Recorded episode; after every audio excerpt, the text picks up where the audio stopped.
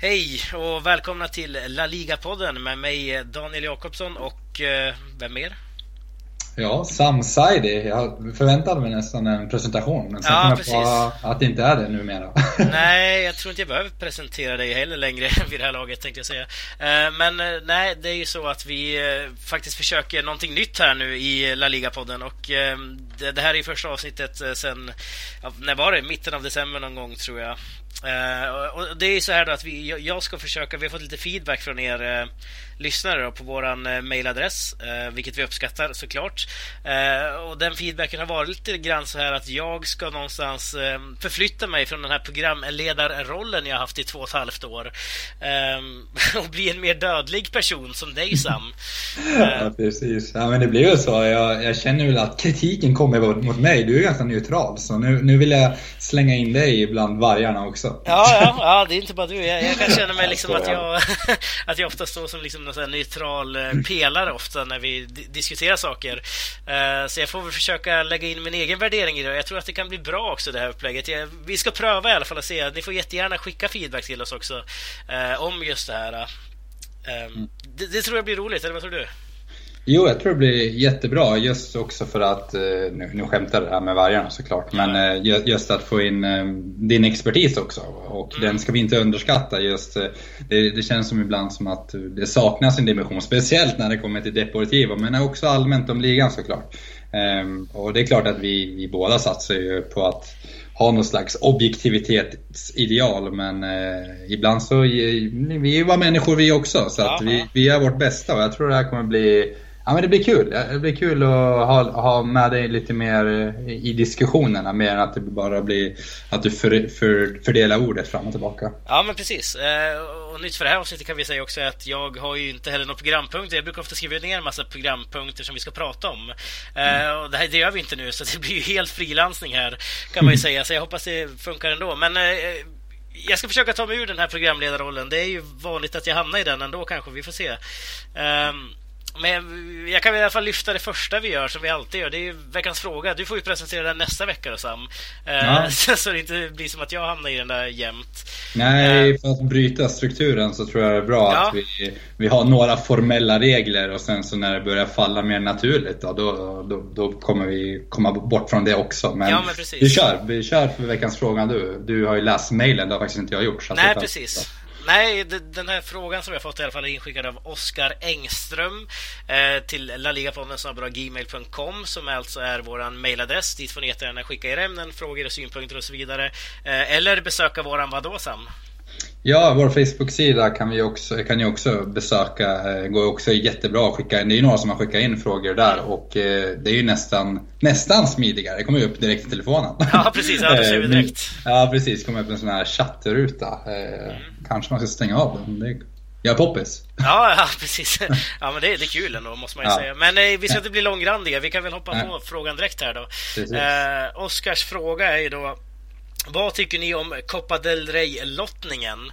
Ehm, Ska jag börja helt enkelt? Och I och med att jag någonstans ska komma ur den här rollen och svara på frågan Kör. själv. Jag kör. Kör, Ehm, till- till att börja med måste jag säga att jag tycker att eh, på något sätt så är det väl nu Copa del Rey på riktigt börjar eh, någonstans. Jag tycker det var såklart synd att mitt Deportivo åkte ut eh, ur cupen mot Alaves på den här skitiga eh, bortamålsregeln som jag faktiskt tycker att det är. Och det tycker jag i alla de här turneringarna.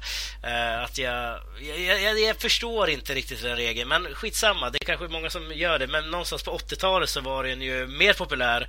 Eh, eller kanske ännu tidigare när man åkte till eh, exempelvis Jugoslavien och spelade mot dem borta. De gick ju bara för att liksom försvara där eh, någonstans. Så det, det, det är liksom historien bakom varför man har det. Men jag kan ändå inte förstå varför man har det idag.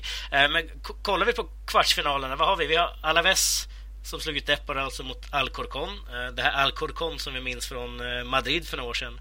Eh, och så Madrid själva då, som mötte Celta Vigo och Atletico mot Eibar och så Barca Sociedad. Den tycker jag nästan är den intressantaste då, Sociedad Barca alltså. Ja. Eh, Ja, men jag, jag håller med. Sociedad har blivit nästan som ett spöke. ja. Mm. ja, hur menar du då? Nej men jag tänker på Anoeta, det, är- det är ju hur, jag vet, kan inte räkna hur många år sedan Barcelona vann där. Eh, kanske du har koll på den statistiken? Eh, men Nej, inte det, framför mig, nej. nej. inte framför mig men det är många år sedan. Och det är inte bara resultatet som, som är skrämmande utan det är just hur förlamade Barcelona blir på Anoeta. Eh, samtidigt också som Real Sociedad växer fram till något monster. Så att jag, jag håller med att eh, Real Sociedad-Barcelona är på förhand den mest intressanta matchen. Eh, vilken tycker du är näst intressantast? Alltså det, det är så här, jag, på något sätt så gillar man ju ändå Alcorcon. Jag menar Alaves, ja. det, det är ändå överkomligt för dem. De har slagit ut Espanyol, eh, slagit ut Cordoba, så nu är de helt plötsligt i kvartsfinalen, nästan ett halvsteg ifrån, ja lite mer ett halvsteg kanske, från en semifinal. Och det är ju, får man möta Real Madrid där så, ja, varför inte liksom? Alltså, den, den matchen kan vara rolig. Det hade såklart varit roligare om mitt Depor, det riktiga Deportivo hade varit där, men eh, ja, men den matchen tror jag kan vara Väldigt intressant att kolla på. Det dubbelmötet som drar igång nu ganska snart här i januari. Mm. Eh, men annars... Kom, ja. kom ihåg Alcorcon när de slog ut Real Madrid 2009 i Copa del Rey. Eh, då bodde jag ju själv i Barcelona. Då kommer jag ihåg när jag var på Camp Nou och kollade på eh, Copa del Rey och Barcelona mötte något division 2-lag tror jag det var. Då var det ju hela Camp Nou, eller hela, inte fullsatt. Men det var väldigt mycket att eh, eh, att man liksom sjöng eh, Alcorcon på läktarna. Ja, just det. Ja. vad är det de sjöng egentligen? De har ju som någon slags träläktare där nästan tror jag. Det är en ganska pittoresk arena. De ja, kör. precis. Ja, men ska vi gå vidare? Eller vad säger du? Ja, ja, men kör på. Uh... Ja, eh, jag tycker ju att det har varit väldigt intressant nu när vi har varit borta under eh, under uh, julledigheten och sen när man började kolla lite nyheter. Man, jag tog ju en sån här riktig vecka där jag bara chillade, och liksom kopplade bort all fotboll. Mm, men sedan så har det ju hänt en del och det jag framförallt har reagerat på det är väl att eh, Prandelli har lämnat och vem har inte tagit över om inte den legendariske Voro? Mm, såklart. och, ja, precis. Och Voro skulle jag vilja gå lite djupare in på. Det är en väldigt intressant karaktär som eh, inte bara eh, har, jag vet inte, de senaste tio åren har ju funnits med i klubben men alltid har tagit eh, liksom över, liksom bara tillfälligt. Men nu för första gången så tar han ju över permanent här. Eh, I alla fall enligt officiella uppgifter. Och det tror jag blir intressant. Jag tror att det, det kan vara precis det Valencia behöver. Ja, Eller vad, ja. vad, tror du om det? Ja, men alltså, absolut. Alltså, de, har ju, de är inne på sin tredje manager nu och de får ju inte ha någon mer eh, några fler manager efter Voro nu. Utan det är ju så i La Liga att man har ju tre tränare man får ha under säsongen. Eh, man har avverkat Paco Aisteran förut. Eh, Cesare Prandelli lämnade nu. Eh, fick ju mycket kritik av ledningen att han lämnade där och så nu tar jag alltså Vår över igen. som han gör för femte gången tror jag. Och eh, som du säger, han tar över alltså permanent nu och det brukar ju ofta gå bättre med Voro i Valencia också mm. än eh, de som han tar över ifrån ofta. Det såg vi nu senast också, vann ju på en gång här nu mot Espanyol. Eh, första segern sedan oktober för Valencia och det, de mm. behöver ju ett lyft. Alltså, de ska ju inte ligga där de ligger såklart. Eh, men en imponerande seger också. Ja, men absolut. Ja, absolut. Ja, fortsätt, vad sa du? Uh, nej, jag, tror jag var inne på det, det jag ville säga så att säga. Uh, att uh, det, det, är kul med Voro och sen ska vi även nämna sportchefen där fick ju lämna, eller han lämnade självmant också, Suso. Mm. Så det är ju kaos, det vet vi i Valencia. Peter Lim och så vidare. Han har ju inte tagit hand om den här klubben som man kanske borde ha gjort. Mm. Um, kanske vi som romantiserade honom precis som vi gjorde med Paco Gemes. Ja, vi, var ju, vi var ju väldigt optimistiska där när, i stort sett i, i samma veva som vi körde igång den här podden 2014 så såg vi nog någon slags optimism i klubben med Peter Lim. Men jag måste säga att ja, vi siade väldigt fel. Ja, alltså det, det Eller hoppades fel. Ja, men precis. Jag tror vi har ätit upp det ganska många gånger sedan dess också. Mm. Det här med att Peter Lim skulle lyfta hela ligan någonstans diskuterade vi ju eh, då. Att eh, han skulle komma som en injektion och kanske inspirera fler eh, utländska ägare. Därför på något sätt så vill man ju nästan att de ska komma nu. Därför de här spanska ägarna, jag vet att vi ofta romantiserar med de här spanska ägarna och så vidare. Att, eh, som Athletic Bilbao och så vidare. Men sen så är det ju ändå så att ligan behöver ekonomiskt eh, starkare muskler. Och eh, Peter Lim trodde vi då var lösningen. Det är han ju uppenbarligen mm. inte. För det blir ju, har ju blivit ännu mer kaos i Valencia då. Mm. Eh, det, det håller jag med om att det behövs liksom ekonomiska muskler men samtidigt behövs det en förståelse också för den eh, spanska fotbollen. Och Absolut. Det, brukar vara, det, det, verkar, det känns som att det inte borde vara så svårt att kombinera men det, det verkar ju vara ett problem hos de ägare som klev in i i ligan. Och, mm. vilket i och för sig för oss till en annan punkt jag tänkte på, det här med Juan de Ramos som också har lämnat Malaga mm. efter bara 18 matcher. Så att, det, det, tycker jag också säger någonting om hur Malaga mår. Eller vad säger du om det? Ja, alltså han tog över där från Javi Gracia i somras och eh, gjorde väl okej okay ändå. Alltså, jag, jag, kan inte säga att Malaga har varit så dålig egentligen ju. Nej. Uh, det var väl nu i, jag vet inte, jag har inte läst riktigt eh, efterspelet men det handlade väldigt mycket om den här Copa del Rey-förlusten va? Mm, mot Cordoba ja. Ja, precis. Uh, det, de är, jag har ju bott i Malaga så jag vet ju ändå någonstans hur de känner för de här grannklubbarna. Framförallt Sevilla då. Uh, hatet mot Sevilla i Andalusien är ju Ja, det, det är svårslaget ändå. Alltså jag måste säga när jag såg Malaga-Granada där för några år sedan så det, det är ju nära klubbar. Ehm, de, de ligger väldigt nära varandra rent geografiskt. Det är väl 10 mil som skiljer ungefär mellan Sevilla, eller Malaga och Granada. Och då stod ju båda de här klubbarnas fans och sjöng ändå såhär Puta, Sevilla tillsammans liksom. Mm. Eh, så jag menar, det, det där hatet för Sevilla finns ju, men samtidigt det finns ju en rivalitet mot Granada som jag sa, och så Cordoba då, som ändå ligger i segundan. Um, och man åker ut mot Cordoba. Sen förlorar man med 4-1 mot Sevilla, som jag nämnde, alltså värsta rivalerna. Uh, så det var väl någon slags droppe, skulle jag kunna gissa ändå. Mm. Vem var det som tog över där? Det var... Vem var det? Jag kommer inte ihåg. Ja, det, hans assisterande. Eh, ah, det, just det, just det. Okej. Okay. Eh, Uruguayanan. Ja, han är ju... Ja, just det. Han är en gammal goding. Gammal spelare också i Malaga. Ja, precis. Ja. Mm. Uh, han var ju där några år um, och härjade. Men det, det är så här, han är också ganska oprövad kan jag väl tycka i många fall. Han har väl inte tränat något lag vad, vad jag känner till. Möjligtvis uh, någon enstaka klubb sådär, men ingen i La Liga i alla fall. Uh, mm. Har ju fungerat som assisterande för ganska många tränare. Bernt Schuster bland annat. Uh, Juan Ramos nu då senast. Uh, Javi Gracia för den delen också. Mm. Ja men, ja du ser, händer mycket när vi är borta över jullovet. Vi som reste bort också tillsammans. Ja, vi gjorde vi, det. Ja, vi gjorde det. Var ju roligt. Men eh, nog om det. Eh, och, eller, det blir ju en ganska härlig övergång för den delen. För vi åkte ju trots allt till Iran och nästa eh, tränare som har fått sparken under den här tiden. Det var ju också det där Iranier-gänget Osasuna, om vi får kalla dem för det. Ja, men det får man säga. Ja, jag får säga det. Javad Nekonam. Precis, eh, men eh, inte, nu ska vi inte gå in på Iran här utan snarare att Joaquin Caparros har lämnat. Ja. eller ska vi säga fått sparken, eller? Hur, ja, hur var det egentligen? Ja, det, det var ju sparken. Ja, precis. Ja. Den här gången. Ja. Vad tycker vi om det? Ja, vad, vad, finns det att tycka? Alltså, vi, vi, där har vi också en sån tränare som vi kanske romantiserar lite för mycket ibland. Caparros. Eh, om, man, om man får säga att vi romantiserar honom. Vi gör väl honom till åtlöje ganska ofta.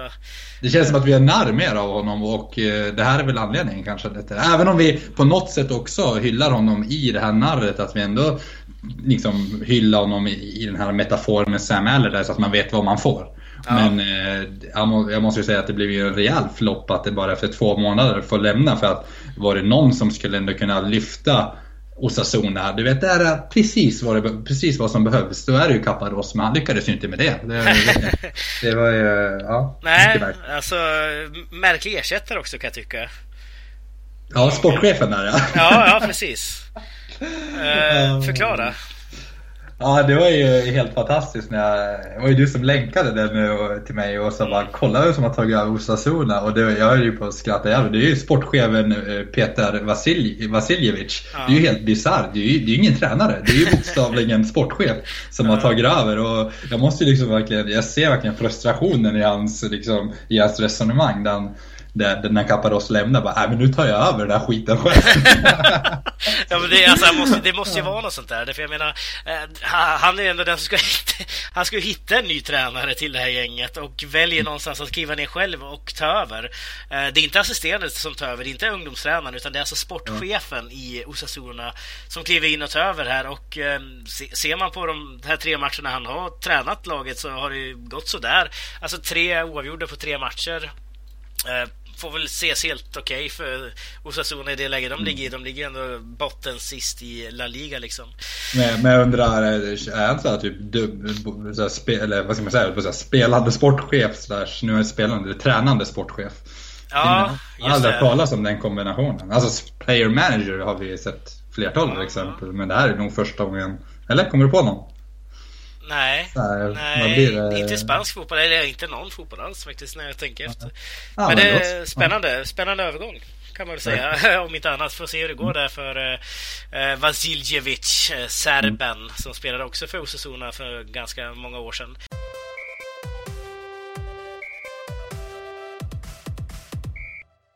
Ja, som ni hör också så kattade vi där i mitten och det hänger väl ihop lite, eller mitt i ett resonemang nästan, eh, så valde vi att ja, lägga in vår så kallade låt som vi har mixtrat ihop själva här. Och, eh, Vignettmusik tror jag man säger. Ja, precis. Jag sa det. Jag sökte ordet faktiskt. Eh, och det är väl också en del av det nya formatet om man säger så. Att, eh, ja, det blir väl ingen slags förvarning till, till eh, er lyssnare utan eh, vi kör på helt enkelt och försöker ja, bygga upp en så ja, men, eh, naturlig övergång som möjligt. Sen får ni väl skicka in och överklaga om ni tycker att vi, vi klipper lite fel. Men eh, det blir nog bättre med tiden.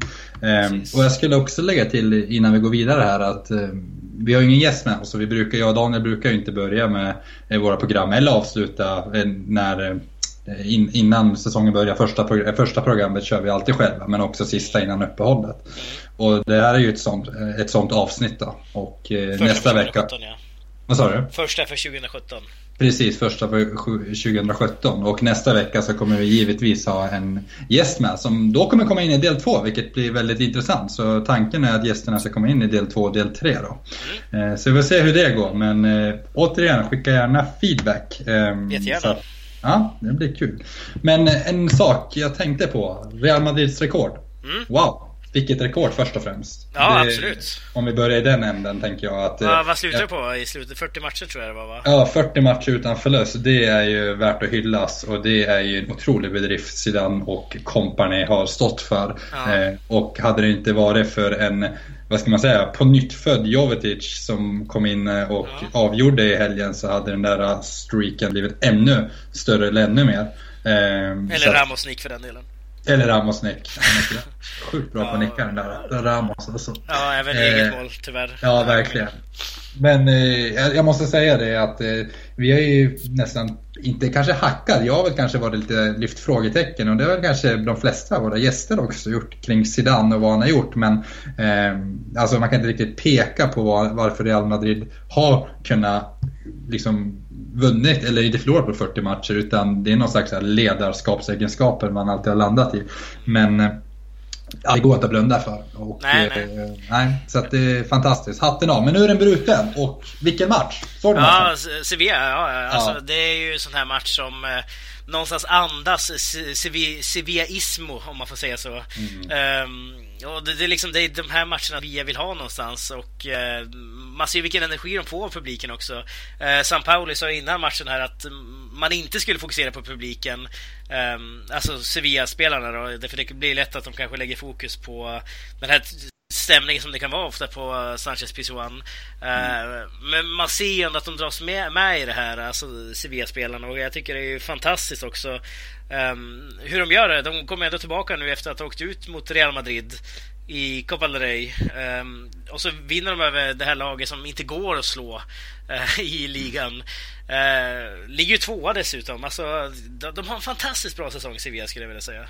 Mm. Ja, den är helt otrolig. Men också när man bara isolerar den här matchen, vilket också...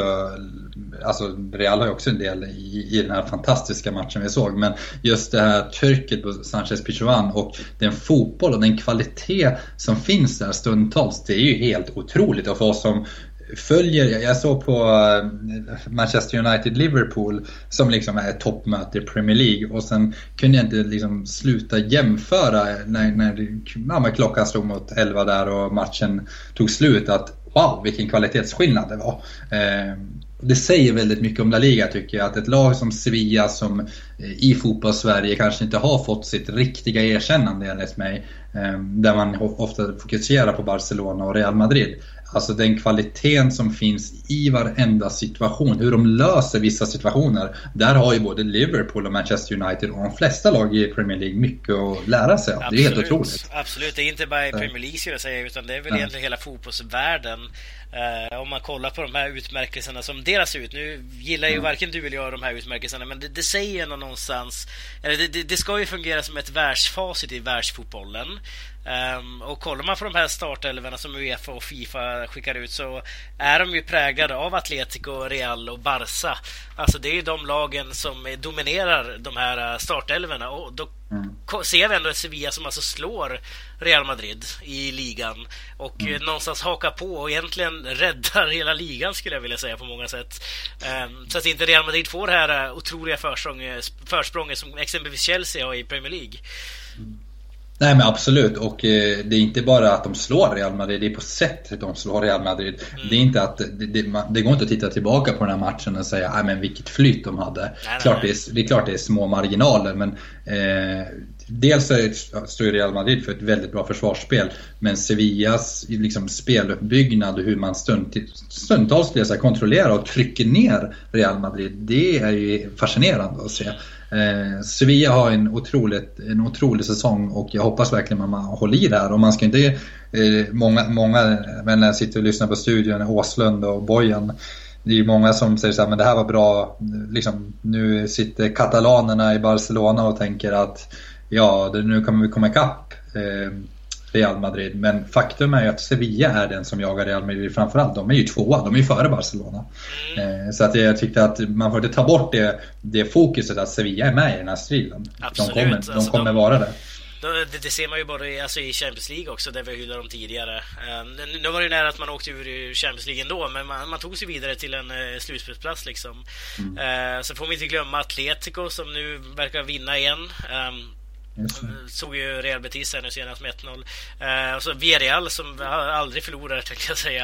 Eh, förlorar lika mycket som Sevilla då förvisso, men eh, de eh, kryssar sig igenom den här ligan.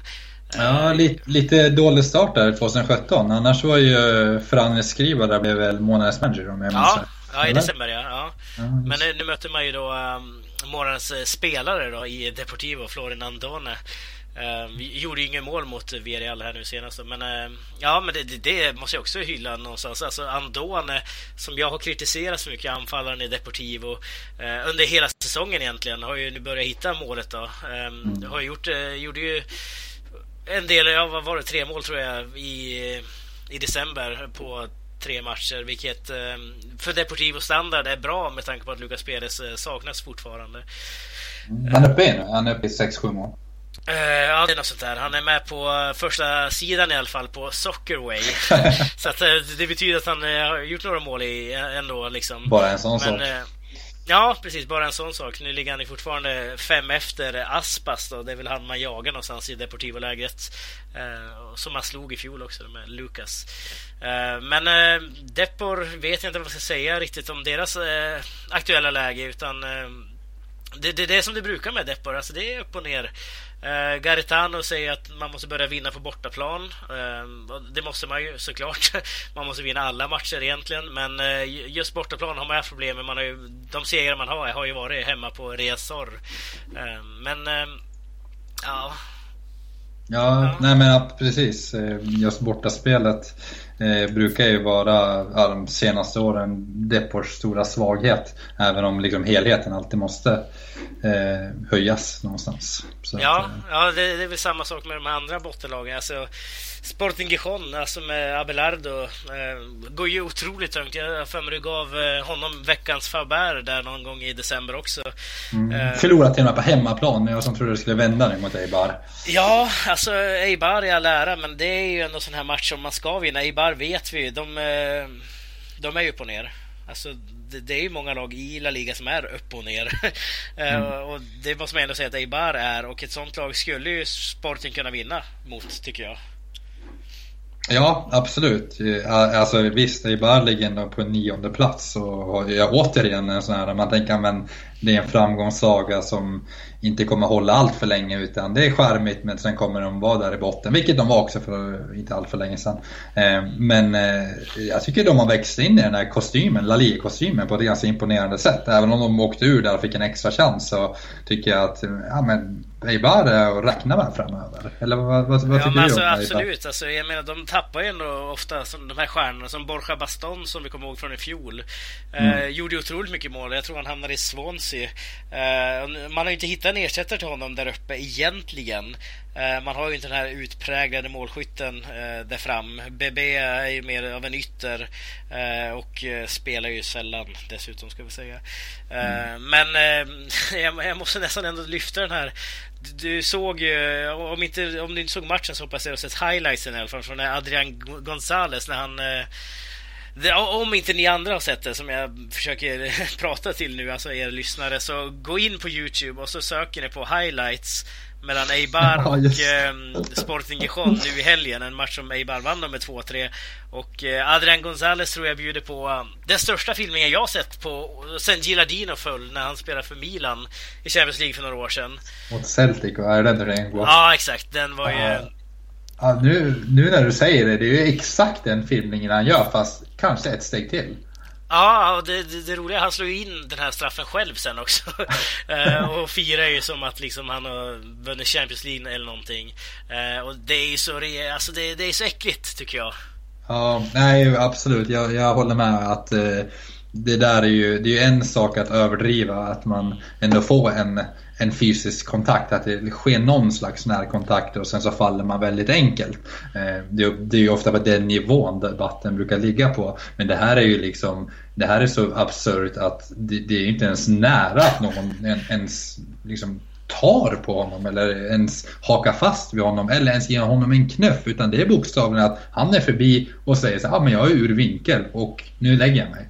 Ja. Och det är liksom att domarna, visst det går fort men det där såg man ju på ganska långa vägar i realtid att det där var ju ingenting. Det var ju en råfilmning. Eller så uppfattade jag i alla fall. Eller? Ja, alltså jag, jag har sett reprisbilderna ganska många gånger och jag kan inte se Alltså en enda touch i den där situationen. Alltså jag förstår inte vad det är som ska göra att Adrian Gonzales ramlar i den situationen.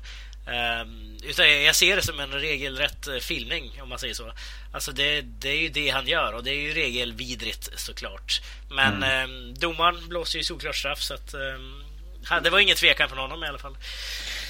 Nej, det ja, får vi väl ge en känga till domarna men framförallt till Adrian, eh, Adrian Gonzales då.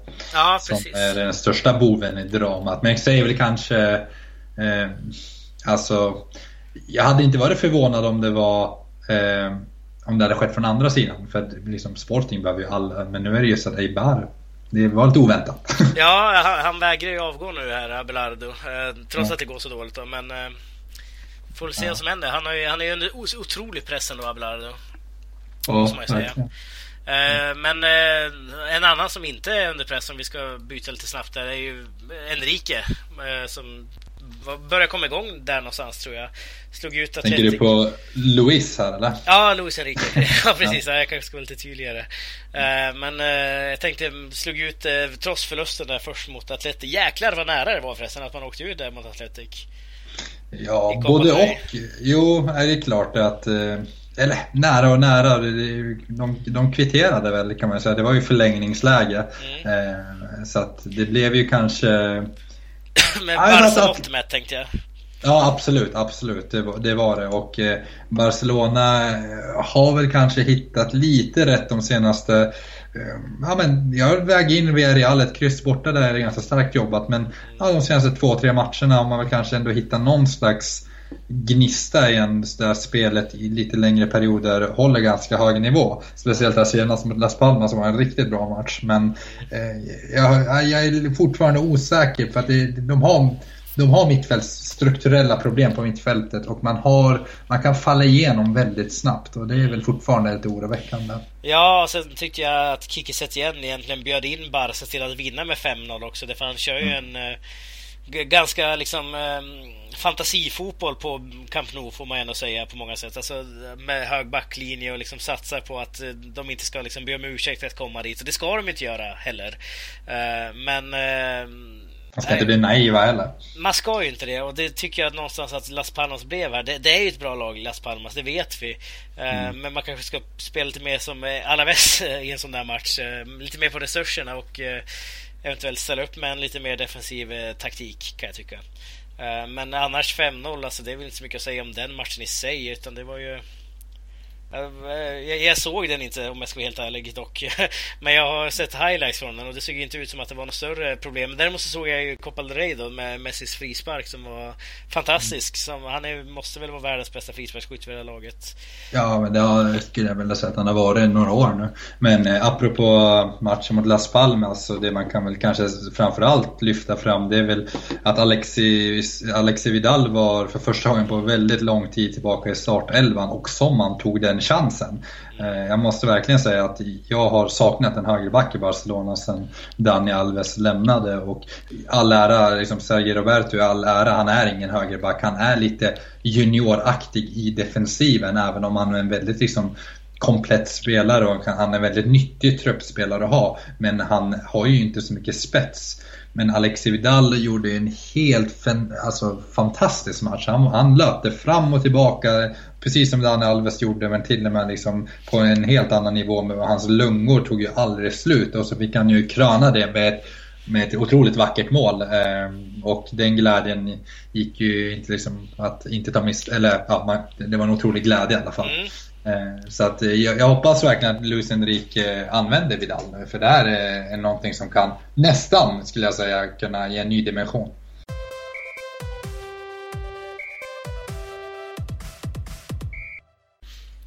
Ja, en ny dimension i all ära förstås, eh, tänker jag på när, när jag snackar om Vidal där.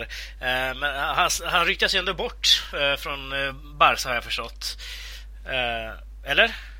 Mm, ja, det gör han och det är inte så konstigt med tanke på att han har varit Luis Enriques frysbox. För att eh, Luis Enrique har gett Sergio Roberto 100% förtroende på högerbackspositionen och eh, det har liksom lite varit lite oklart varför Vidal aldrig har fått den här chansen. Eh, jag har läst runt lite, försökt kolla lite forum och se om det finns någon slags insider. Men det är ju någonting inte Enrique, ja men det, jag tror det är någonting inte han gillar hos Vidal och det kan faktiskt, behöver inte vara fotbollsrelaterat eller för att Vidal i sin absolut bästa form är en bättre högerback än Sergio Roberto, det kan man inte komma ifrån. Mm. Så att, eh, ja. Men alltså, han, när, när han värvades tänker jag, det, för det, jag minns, jag reagerade ganska mycket då, mm. när han kom till Barcelona, att man räknade honom någonstans som en högerback då.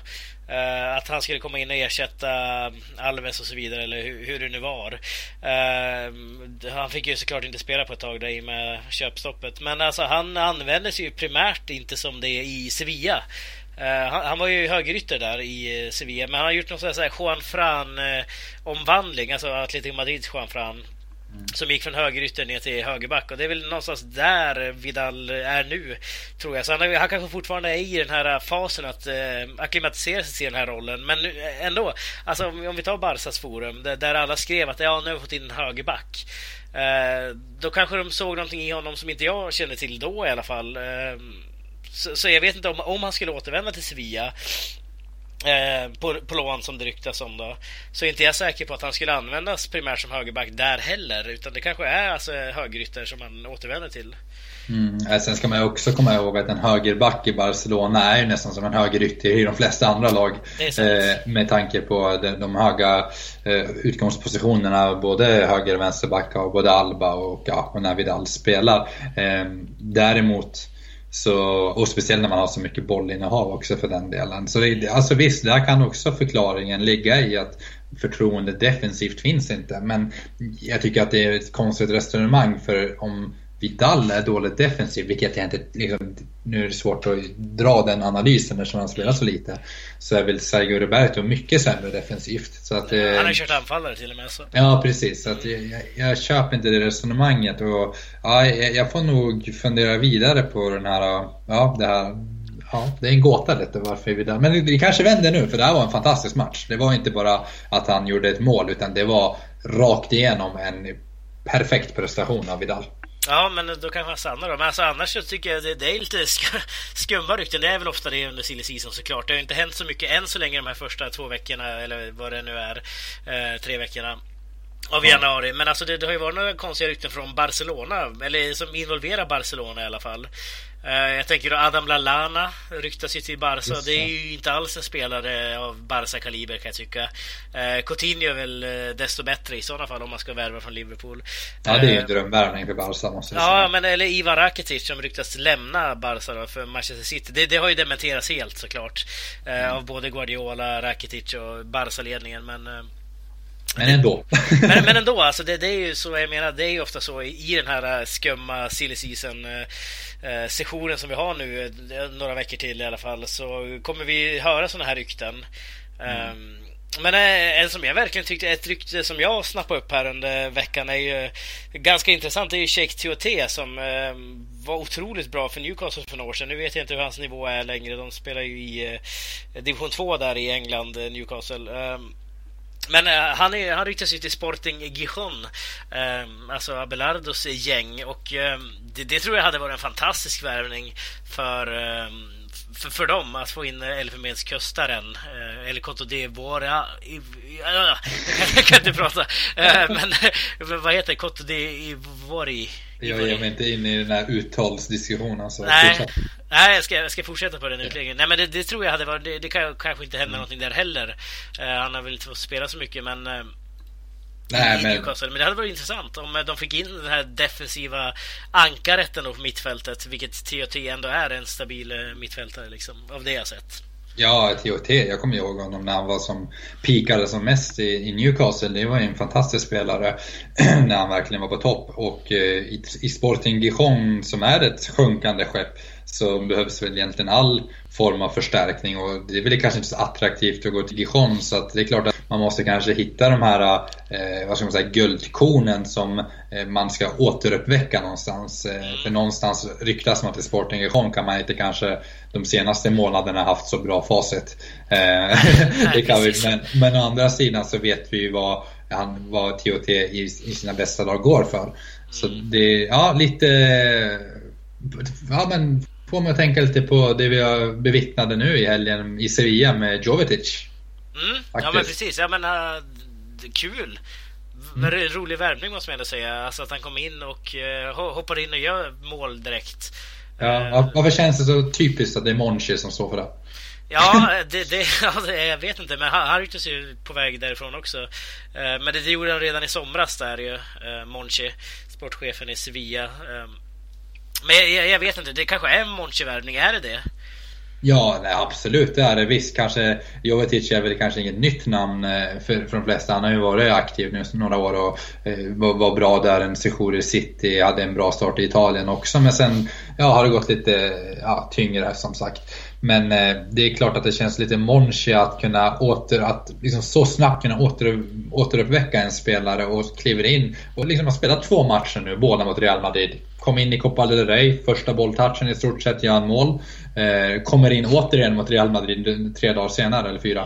Eh, och avgör det här eh, liksom enormt prestigefyllda och viktiga toppmötet som någonstans räddar ligan och räddar eh, Sevilla och liksom eh, drar in Sevilla i den här diskussionerna om ligatitlar och hit och dit. Så att, eh, att få en spelare som Jovetic att leverera och känna den liksom bekvämheten. Det är liksom en bedrift dels från Monchi men också San Pauli som eh, ja, lyckas få ut allt ur, från sina spelare. Han har ju också väckt Samir Nasri. Också känns som en, eh, var på väg ut för det. Och vad liksom hände med honom med City? Och sen ser Mon, Monchi någonting. Ja men i våra händer så kan vi nog återuppväcka honom. Och det, det här jag menar som känns typiskt Monchi, typiskt Sevilla. Att man har fått ut det bästa återigen. Och det ska bli otroligt intressant att fortsätta se Jovetic.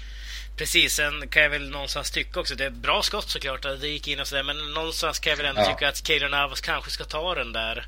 Eh, på, på, en bra dag hade han gjort det menar jag. Eh, mm. Navas. Ja, det, det är en målvaktstavla, men det hänger väl ihop lite med sekvensen innan där att eh, Eh, alltså Benzema ska inte kunna tappa bollen där även om det är liksom bra press av Vitolo. Eh, och bara där står Navas väldigt felpositionerad i målet. Mm. Så att jag tror inte han riktigt har koll på vart han står och då Ja, då blir ju även det där skottet ganska problematiskt att liksom rädda. Absolut. Eh, sen, sen tänkte jag ändå när vi är inne på sådana här spelare som på något sätt eh, är på nyttfödda som vi ändå pratar om Jovetic. Ja. Eh, då, då tänkte jag på Ryan Bubble i Deportivo som var ju i klubben fyra, fem månader eller sånt där och lämnade ju nu i, i januarifönstret för Besiktas på free transfer, vilket jag tycker är tråkigt för jag tyckte Bubble gjorde det bra i Deportivo. Mm. Men han ville hem till Turkiet där han har varit de senaste åren. Eh, tidigare då. Ja, han saknar eh, turkiska maten. Ja, eller sin familj framförallt tror jag. Men eh, så han, han lämnar ju Depor nu då och in kommer ju där istället en annan holländare, Ola John med det fantastiska två dubbelförnamnet eh, John i efternamn då. Um, ja, han har ju sagt nu också lite grann att uh, ni ska inte jämföra mig med Babbel. Jag är min egen spelare och det, det, kan jag väl förstå. Det är väl ofta så det är när uh, en holländare lämnar eller om det hade varit någon annan brasse lämnar och en ny brasse kommer in. I det här fallet så är det en ny holländare som kommer in. Uh, sen så vet jag inte om någon jämför honom med Babbel heller. Babbel i all ära, han gjorde helt okej, okay, men det är ju inte Messi som lämnar Deportivo. alltså, eh, det, det, är nog okej okay för Ola John att bli jämförd med Babbel, för det är väl en ganska rimlig jämförelse. Nu har jag aldrig sett den här människan spela, då. kommer från Benfica på lån. Eh, men Depor kan ju behöva lite förstärkning bakom Andone, där framförallt om när Colak är skadad eller något liknande. Ja, vi får eh, utvärdera det där, om det var en ny Babbel eller inte om några veckor. Ja. Eller om några månader för den delen. Ja. Så att, eh, Ola John. Ja, nej men eh, ganska, jag håller med. Alltså det Alltså Babbel är ju i sina bästa stund. Alltså det är också en sån här värld. Alltså hade Monchi värvat honom vet vi exakt vad resultatet hade blivit. Det hade ju liksom blivit avgjort mot Real Madrid eller Barcelona första matchen. Ja, ja, ja. Eh, men det, det, är klart, alla kan inte vara som Monchi eller San Pauli. Så att, eh, ja, en, en annan som inte återuppväckte som man säger så, som jag reagerade på. Det är väl kanske Martin de Micheles. Eh, ja, verkligen. Som, som lämnar Malaga på free transfer. Har inte kunnat se att vart han ska. Har du gjort det? Nej, alltså han, det, det är ingen ny klubb klar där utan det var snarare det att han eh, lämnade på självbevåg också tror jag. Han fick ju bara mm. starta en match tror jag, eller två. Uh, vilket man ändå får se som ett snedsteg för honom och Malaga som klubb. Jag menar, Demichelis kommer ju ändå från City. Uh, har någon slags rykte om sig att liksom uh, kunna skaka om klubbar och ta över en, liksom en en ordinarie plats i de lag han är i. Det gör han ju inte här nu då. Eh, Nej, Vilket... märkligt. Det är märkligt tycker jag, eller?